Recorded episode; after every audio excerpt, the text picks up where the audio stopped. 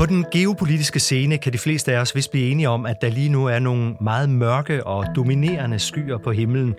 Mest i øjnefaldene selvfølgelig den nye krig mellem Israel og Hamas og den fortsatte krig efter Ruslands invasion af Ukraine. Men som noget, der måske kan virke lidt overraskende, så ser det ikke ud til, at der er helt de samme mørke skyer på den globale økonomiske scene. Eller måske afhænger det af øjnene, der ser. Og derfor har jeg i dag inviteret et af de skarpeste på øjne med herinde i podcaststudiet, for at give det store overblik over den globale økonomi og markedssituationen.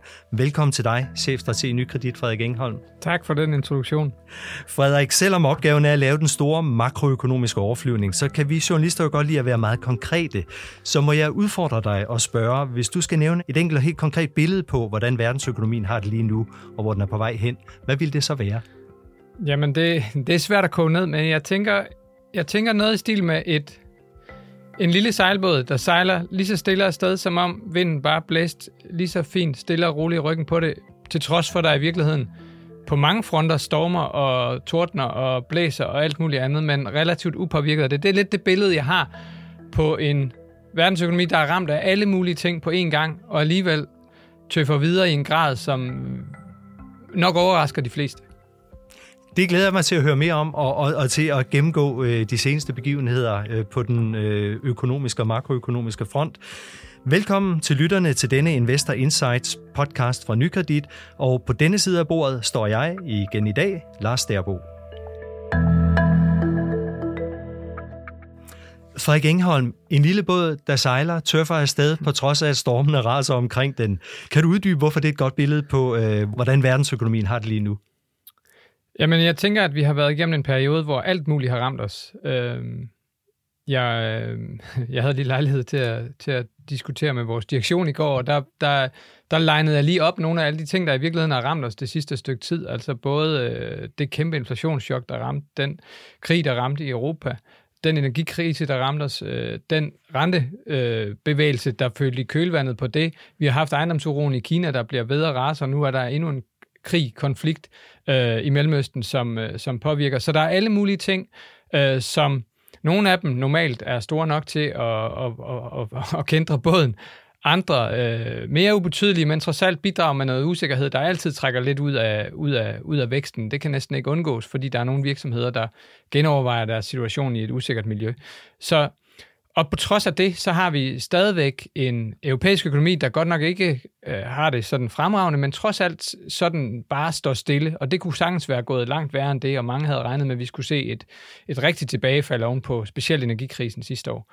Øh, vi har en amerikansk økonomi, der jo øh, er i et rigeligt højt gear, så højt gear, så, så der ikke er nogen tvivl om, at det er noget, der bekymrer blandt andet den amerikanske centralbank. Og, øh, og vi har et Kina, selvom der er masse problemer derude, så, så så har det ikke eskaleret i en grad, som man kunne have frygtet, med tanke på de kæmpe ejendomsgiganter, der er kollapset derude, som jo øh, ligger inde med gæld og svarer til nærmest hele Danmarks BNP. Så i virkeligheden er det overraskende, at, at, øh, at den her båd stadig sejler på mange planer. Øh, mere overraskende nogle steder end andre, men, øh, men det, der synes jeg, vi må sige, der har været en større robusthed, end, end jeg tror, nogen af os havde drømt om, sådan samlet set i hvert fald. Lad os dykke ned i det og øh, tage begivenheden her i går aftes, som vi står her, øh, nemlig Federal Reserves udmelding om at, at fastholde renten. På trods af, som du siger, en økonomi, der buller derud af rent faktisk. Hvor er vi henne der? Hvad er det for signaler, vi får derfra? Jamen i virkeligheden så er det jo et, øh, et, et, en, en svær position, som Federal Reserve er i lige nu. For på den ene side, så har de tydeligvis sådan strammet renterne et stykke tid og brugt en retorik, der hed, nu har vi nået et niveau af renter, så, så, så kalibreringen herfra skal være mere forsigtig. Det er der ikke nogen tvivl om, at de er der, hvor de sådan tænker, at det renteniveau, vi har nu, er højt. Sådan absolut set i forhold til, hvad de tænker er en, er en mere normal rente på lang sigt i USA, sådan pengepolitisk. Der snakker de stadigvæk og tænker stadigvæk, at den ligger ned omkring 2,5 procent, og vi har en pengepolitisk rente nu, der ligger på den gode side af 5 procent. Så det er en stor, en stor forskel, og det burde betyde, at økonomien på den baggrund bremser relativt kraftigt op. Så har vi, øh, så har, kan man sige, det har økonomien ikke gjort endnu, og det kan der være øh, mange forskellige forklaringer på. Nogle af dem relaterer sig nok til, den måde, vi kom ud af coronakrisen på. Altså, der var alle mulige opsparede ting og sager. Ikke kun opsparet penge, men også opsparet behov forskellige steder for at investere noget mere, for at gøre nogle ting. Og i virkeligheden har vi set sådan nogle lidt kontraintuitive ting, at, at dele af virksomhedsinvesteringerne, specielt nogle i anlæg, at de faktisk begyndte at accelerere nærmest da centralbanken allerede var godt inde i den stramningscyklus. Det er normalt noget af det, man tænker, man kan påvirke. Investeringerne er normalt meget rentefølsomme. Så det vidner om, at der måske var en normalisering fra en periode tidligere under corona, hvor man ikke havde fået kunne løfte de investeringer i den grad, man ønskede. Så nogle forstyrrelser, der stammer fra, at vi kom ud på et helt øh, forkert ben af corona, eller hvad man, hvad, hvad, hvad man skal kalde det, og derfor opførte os på en anden måde, end vi normalt vil gøre, når man starter sådan en rentestramningsproces. Øh, så, så det er, er klart øh, en, øh, en, øh, en, en god del af forklaringen. Så er der også sket det på det seneste, at, øh, at, at vi har fået nogle kraftige stigninger i markedsrenterne, altså statsobligationsrenterne, både i USA, men også i Europa, men i særdeleshed i USA er over de sidste øh, tre måneder steget med, med mere end et procentpoint. Og det i sig selv har en effekt på sådan de, øh, den, den, den, den samlede økonomiske udvikling, fordi rigtig mange virksomheder, øh, boligejere i USA, finansierer sig øh, i lidt længere renter, altså ikke bare korte bankrenter, som er dem, som centralbanken mere direkte kan påvirke, men også markedsrenter længere ud af kurven, som man siger, med en længere løbetid, 5, 10, 15 år. Og, og det, at de her markedsrenter selv har hoppet op, det har i virkeligheden det er jo i virkeligheden noget af det, som Federal Reserve tenderer til at, at, at, at ville opnå, når de hæver renten. Det er at påvirke alle mulige forskellige renter i økonomien, både de helt korte og de lidt længere. Nu har markedet så gjort det for dem i meget kraftig grad på meget kort tid, og det lægger altså formentlig en bremse på økonomien over de næste par kvartaler. Det snakker centralbanken ret klart om, og det har op til mødet det var grunden til, at der ikke var forventninger om en renteforhold på det her møde, gjort, at flere og flere af centralbankens medlemmer var ude at sige, at øh, det her er faktisk grund til, at jeg mener, at vi skal være mere forsigtige, end, end jeg mente bare for få måneder siden. Så, så det er nok hovedpointen i forhold til, at, øh, at man nu ser på en, øh, en, en, en Federal Reserve, der er sådan mere af, af, afventende øh, i forhold til, øh, hvor meget der egentlig er behov for, at de gør mere, for nogle andre har gjort noget af deres arbejde for dem. Men hvis vi ser på øh, resten af året her, og der kommer jo flere rentemøder, øh, en øh, annualiseret vækst på 4,9 procent i USA, kan de undgå at hæve renten igen? Altså for det første, så ja, vi fik det her meget stærke tredje kvartal, øhm, øh, og, og, og det Paul snakkede faktisk også lidt om det på mødet, at, at det var nok ikke helt sådan repræsentativt for den underliggende styrke i økonomien. Det, det, det vidner om et, en økonomi, der vokser i dobbelt tempo af sådan normalt kraft, og man vil gerne have, at den skulle vokse langsommere end normal kraft. Men, men det er heller ikke et helt retvisende billede. Øh, der er ting, der, der er også svaghed i det BNP-tal, og der er nogle ting, der påvirker sådan mere kortvarigt.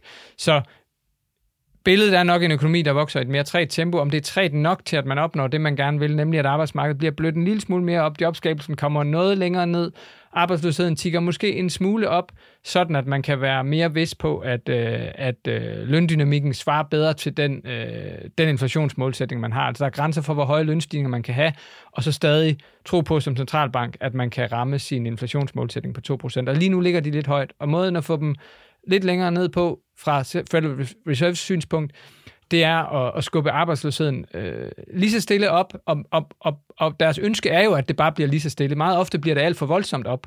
Men indtil videre ser de ud til at lykkes rimelig pænt med at, at forsøge at bremse økonomien op i en grad, så, så det her det kan, det kan virke. Men risikoen er også, som du selv siger, at de ikke har gjort nok, at det ikke er nok tilstrækkelig effekt, vi har fået.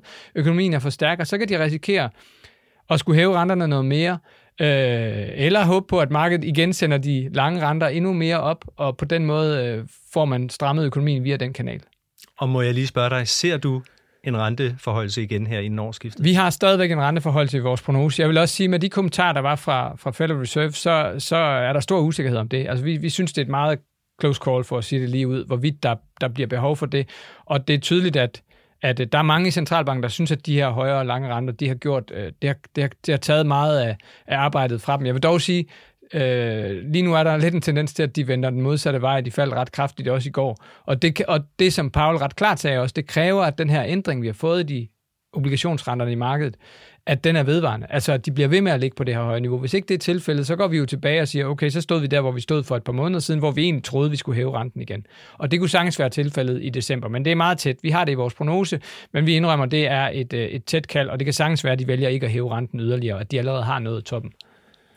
Og nu er USA jo verdens største økonomi. Hvad betyder deres udmeldinger og, og det, der foregår derovre på vores side af Atlanten? Jamen, vores historie ser lidt anderledes ud, og det er klart, at, at fordi vores økonomi allerede er gået i stå mere eller mindre. Europæisk vækst har ligget stort set flat det sidste år. Små øh, ændringer fra kvartal til kvartal, men en lille tilbagegang i tredje kvartal, en lille fremgang i andet, og jeg tror, det var flat i første. Og så, så er den lidt op og ned. Det store billede er, jeg tror, vi er, sted, vi er, vi er vokset 0,1 procent over det sidste år. Det vil sige ingenting. Vi står stille. Øhm, det er ikke nogen katastrofe i forhold til, hvad centralbanken gerne har ville opnå, hvad for nogle choks, der har ramt os. Det er egentlig heldigt sluppet, synes jeg. Øhm, så det, der er humlen for den europæiske centralbank i forhold til Federal Reserve, det er, at de har egentlig fået bremset økonomien nok op. Nu venter de og, se, at det også viser sig i arbejdsmarkedet, for det har det heller ikke rigtig gjort endnu. Vi har stadigvæk en høj beskæftigelsesfremgang. Blandt andet i det andet kvartal var der en meget stærk beskæftigelsesfremgang, hvilket kan virke lidt overraskende. Vi er ikke helt lige så hyppige og gode øh, jobtal i Europa, som vi har det fra USA, så vi har ikke helt lige så up-to-date billede, som de har. Men, øh, men indtil videre ser det rigtigt ud, og det betyder, at ECB er sådan mere sikre på, at de nok er der, hvor de skal være i forhold til en økonomi i det tempo skal nok før eller siden bremse arbejdsmarkedet op, og på den måde få sikret inflationshistorien ender, hvor den skal. Så, så de virker umiddelbart mere komfortable med deres positioner, mere sikre på, at de er øh, kommet i mål. Selv nogle af dem, der har været ude og være sådan det er jo altid delt op i det, man kalder høne og duerne, altså høne, dem, der meget gerne vil stramme politikken en masse og er bange for inflation og, og mindre bekymret for væksten typisk. De, selv mange af dem er begyndt at sige, at det ser ud til, at vi har nået sådan et fint niveau for renter, der, der, der nok kan klare arbejdet for os. Og der holdt ECB så altså renten i ro i sidste uge. Ja. Og hvad ser du frem mod årsskiftet? Jamen, vi tænker, at de er færdige øh, i det hele taget. Og vi tænker også, at, øh, at der måske også er en, en, en, en større risiko end i USA for, at ECB allerede har gjort for meget, altså mere end der skal til. Øh, og at, øh, at, at, at på den måde, at der stadigvæk godt kan være, at, sige, at økonomien bliver ved med at være sværere, end den egentlig behøver at være. Men indtil videre er det sådan lidt tidligt at sige, fordi som sagt, arbejdsmarkedet har ikke givet så meget endnu. Så, så øh, så jeg kan, jeg, der er ikke nogen panik i ECB for lige pludselig at skulle vende rundt på en tallerken, og vi har heller ikke nogen forventning om, at de sådan meget hurtigt skal i gang med at sætte renterne ned. ECB er mere inflationsforskrækket end Federal Reserve, har et andet mandat. Inflationen er det eneste, de kigger efter. Og på den baggrund har de også, man kan sige, måske en større tendens til gerne at ville bringe inflationen på plads i en fart, hvor Federal Reserve både skal holde øje med arbejdsløshed, arbejdsmarkedet og, og inflationssiden, og kan, kan derfor bedre tillade sig en eller anden form for kompromis. Hvis vi ser på markedsreaktionen, nu siger du den her båd, der ligger og skulper rundt, er der, er der overhovedet noget, der, der kan pege noget sted hen i markedet? Kan man forudsige noget som helst? Jamen, jeg synes jo, altså markedet er stadigvæk ekstremt styret af renterne. Øh, det er stadigvæk, øh, og det er ikke, som sagt ikke kun centralbanken, det har vi jo lige set, de har ikke gjort alverden, og alligevel fløj øh, renterne op i, øh, i, øh, i markedsrenterne, specielt de længere obligationsrenter op over de sidste par måneder, og det har presset markedet rigtig kraftigt. Vi har jo faktisk fået et fald i globale aktier på omkring 10 procent. Øh, lidt mindre har danske investorer måske følt det, fordi hvis man måler det i kroner, så har øh, styrkelsen af dollaren hjulpet os lidt. Men, men det er sådan det, man kigger på, som hvis man bare kigger på indekset. Øhm, og det er et resultat af, at de her øh, højere renter, det, øh, det selvfølgelig har en effekt på økonomien, men det gør det altså også mindre attraktivt i det hele taget at købe aktier. Altså aktier ser, kommer til at se lidt dyre ud i forhold til obligationer, når renterne lige pludselig øh, flytter så meget. Det bliver mere attraktivt at købe en obligation i stedet for. Øh, og det er det, der har ramt øh, markedet blandt andet over det sidste stykke tid her, og man kan sige, så er der nogle dele af markedet, der er mere rentefølsomme end andre, og, øh, og, og det har man også kunne se. Samtidig gør det her som sagt også, kan det godt øh, påvirke væksten også, og derfor er der også nogle af de mere vækstfølsomme dele, der også har lidt mere end de mindre vækstfølsomme dele, fordi man ligesom bekymrer sig for, kan den store bevægelse i renten være det, der trykker økonomien endnu længere ned, eller trykker økonomien helt ned? Øh, så, så det har, det, jeg vil sige, det, rente, det markedsmæssigt har været mere uroligt, langt mere uroligt, både obligationsmarkedet, hvor man jo taber også, når, når renten stiger, og i aktiemarkedet, hvor man også har, har, har haft nogle hårde måneder her de sidste stykke tid. Og i virkeligheden tror jeg, at den længste periode med fald i aktier siden en gang i 2020, tror jeg samlet set. Det har været markant. Det har været, det har været nogle, nogle større skulp der. Ja. Ja, omkring båden. Øh, jeg startede med de mørke skyer. Den her nye krisesituation, vi har fået nede i Mellemøsten, får den ikke nogen indflydelse Øh, sandsynligvis ikke vil være vores bud. Øh, det, det, der altid er med de her øh, både sådan krige og geopolitiske øh, stridigheder generelt, og geo, geopolitiske, øh, den geopolitiske uro generelt, det er jo, at, at, at tit så kommer, springer det op, og der er en masse fokus på det, og markederne reagerer også ofte på det sådan på kort sigt, men humlen er jo, at når vi som økonomer og markedsanalytikere sådan skal analysere betydningen, så handler det jo om, hvordan det påvirker nogle af de ting, der driver økonomien. Altså får det centralbanken til at tænke, at de skal gøre noget andet med renterne, og på den måde igennem det påvirke vores øh, renteobligationsmarkeder. Øh, eller påvirker det generelt økonomien, og på den måde virksomheders muligheder for at tjene penge. Og det, som er kanalen meget ofte, når det handler om Mellemøsten, det er jo olien. Det er ikke fordi de økonomier, der ligger dernede i sig selv, øh, betyder særlig meget. Så uanset hvor tragisk og vemmeligt og voldsomt og krigen er, så, så er det ikke noget, der har den store indvirkning i sig selv på, på den økonomiske udvikling. Det havde selvfølgelig været noget andet, hvis der havde været en krig i Kina, som er en, en, en motor i, i verdensøkonomien. Øh, så derfor bliver det oliekanalen. Og det, der er særligt i den her situation, det er jo, at, at vi allerede har nogle... Iran er, er nok nøglen til at kunne få det her til at blive til en større økonomisk hovedpine, fordi de har en, en olieproduktion, der stadigvæk er, er substantiel. De producerer cirka 3-3,5 procent af, af den olie, vi har i verden, og det er altså nok, hvis man forestiller sig, at den produktion blev ramt eller hindret, eller ikke længere kunne handle, så kunne det betyde en masse. Humlen er bare, at vi allerede fra vestens side sanktionerer dem. Så det, at vi ligesom siger, okay, eller tænker, hvis vi fandt ud af, at de spillede en større rolle end, eller det blev klart, at det var tilfældet, så, så kunne vi sanktionere dem. Det har vi tidligere gjort, men, men humlen er, at vi allerede i dag faktisk ikke køber deres olie. De sælger den til Kina og andre. Og derfor har vi ikke den mulighed for på den måde at hive den olieforsyning ud af markedet. Øhm, det gør risikoen mindre, så det kræver i virkeligheden, at man er i en situation, hvor oliefelter olieproduktion direkte kommer i spil, altså at nogen begynder at skyde efter eller ødelægge øh, iranske for eksempel oliefelter, og på den måde nedbringe øh, produktionen på global plan, og så skal man jo fordele den olie, der bliver produceret andre, andre steder på en anden måde, og det vil få priserne op. Og det er det scenarie, som er det, der kunne have sådan den store økonomiske indvirkning, og specielt skub til blandt andet den amerikanske økonomi, som er sådan mere olieafhængig, og hvor, hvor, hvor olieprisen er mere direkte, undskyld, benzinprisen for eksempel, er mere direkte koblet op på, på olieprisen. Ikke så mange afgifter, som vi har i vores del af verden. Øh, men den risiko, vurderer de fleste af de eksperter, vi i hvert fald følger, øh, som, som stadigvæk som, som sådan relativt moderat, og de fleste kræfter øh, rundt, både i regionen, men jo også en stor politisk prøve egentlig at gøre, hvad de kan for at, at få dæmpet det her ned, snarere end at få eskaleret det. Så, øh, så det er den risiko, der er forbundet med det her, men, men det er for os at se ikke hovedscenariet, og i udgangspunktet er vores vurdering, at det formentlig ikke kommer til at betyde alverden. Vi er i hvert fald glade for, som vi står her i dag, at der er det ikke Iran, der lige nu ser ud til at være vores problem. Ja, man kan jo tilføje faktisk, at oliepriserne lige nu er lavere, end de var for, for en måned siden, hvor faktisk inden, inden det her overhovedet var startet, de hoppede lidt op og ned i, i perioden, men, men det vidner jo om, at markedet ikke umiddelbart tænker, at det her det er hovedsporet at følge det her med, at, at, at, at olieproblematikken, olieforsyningen bliver ramt hårdt. Frederik Engholm, med den her lille båd, der gynger, øh, og hvor den, hvor den gynger hen. For en chefstrateg som dig, bliver det øh, kommende år et svært år at manøvrere i, eller er det business as usual? Øh, jeg, tror, jeg synes altid, der er en tendens til, at man siger, at det er frygtelig svært, det vi står i lige nu. Det gælder nærmest alle, alle situationer.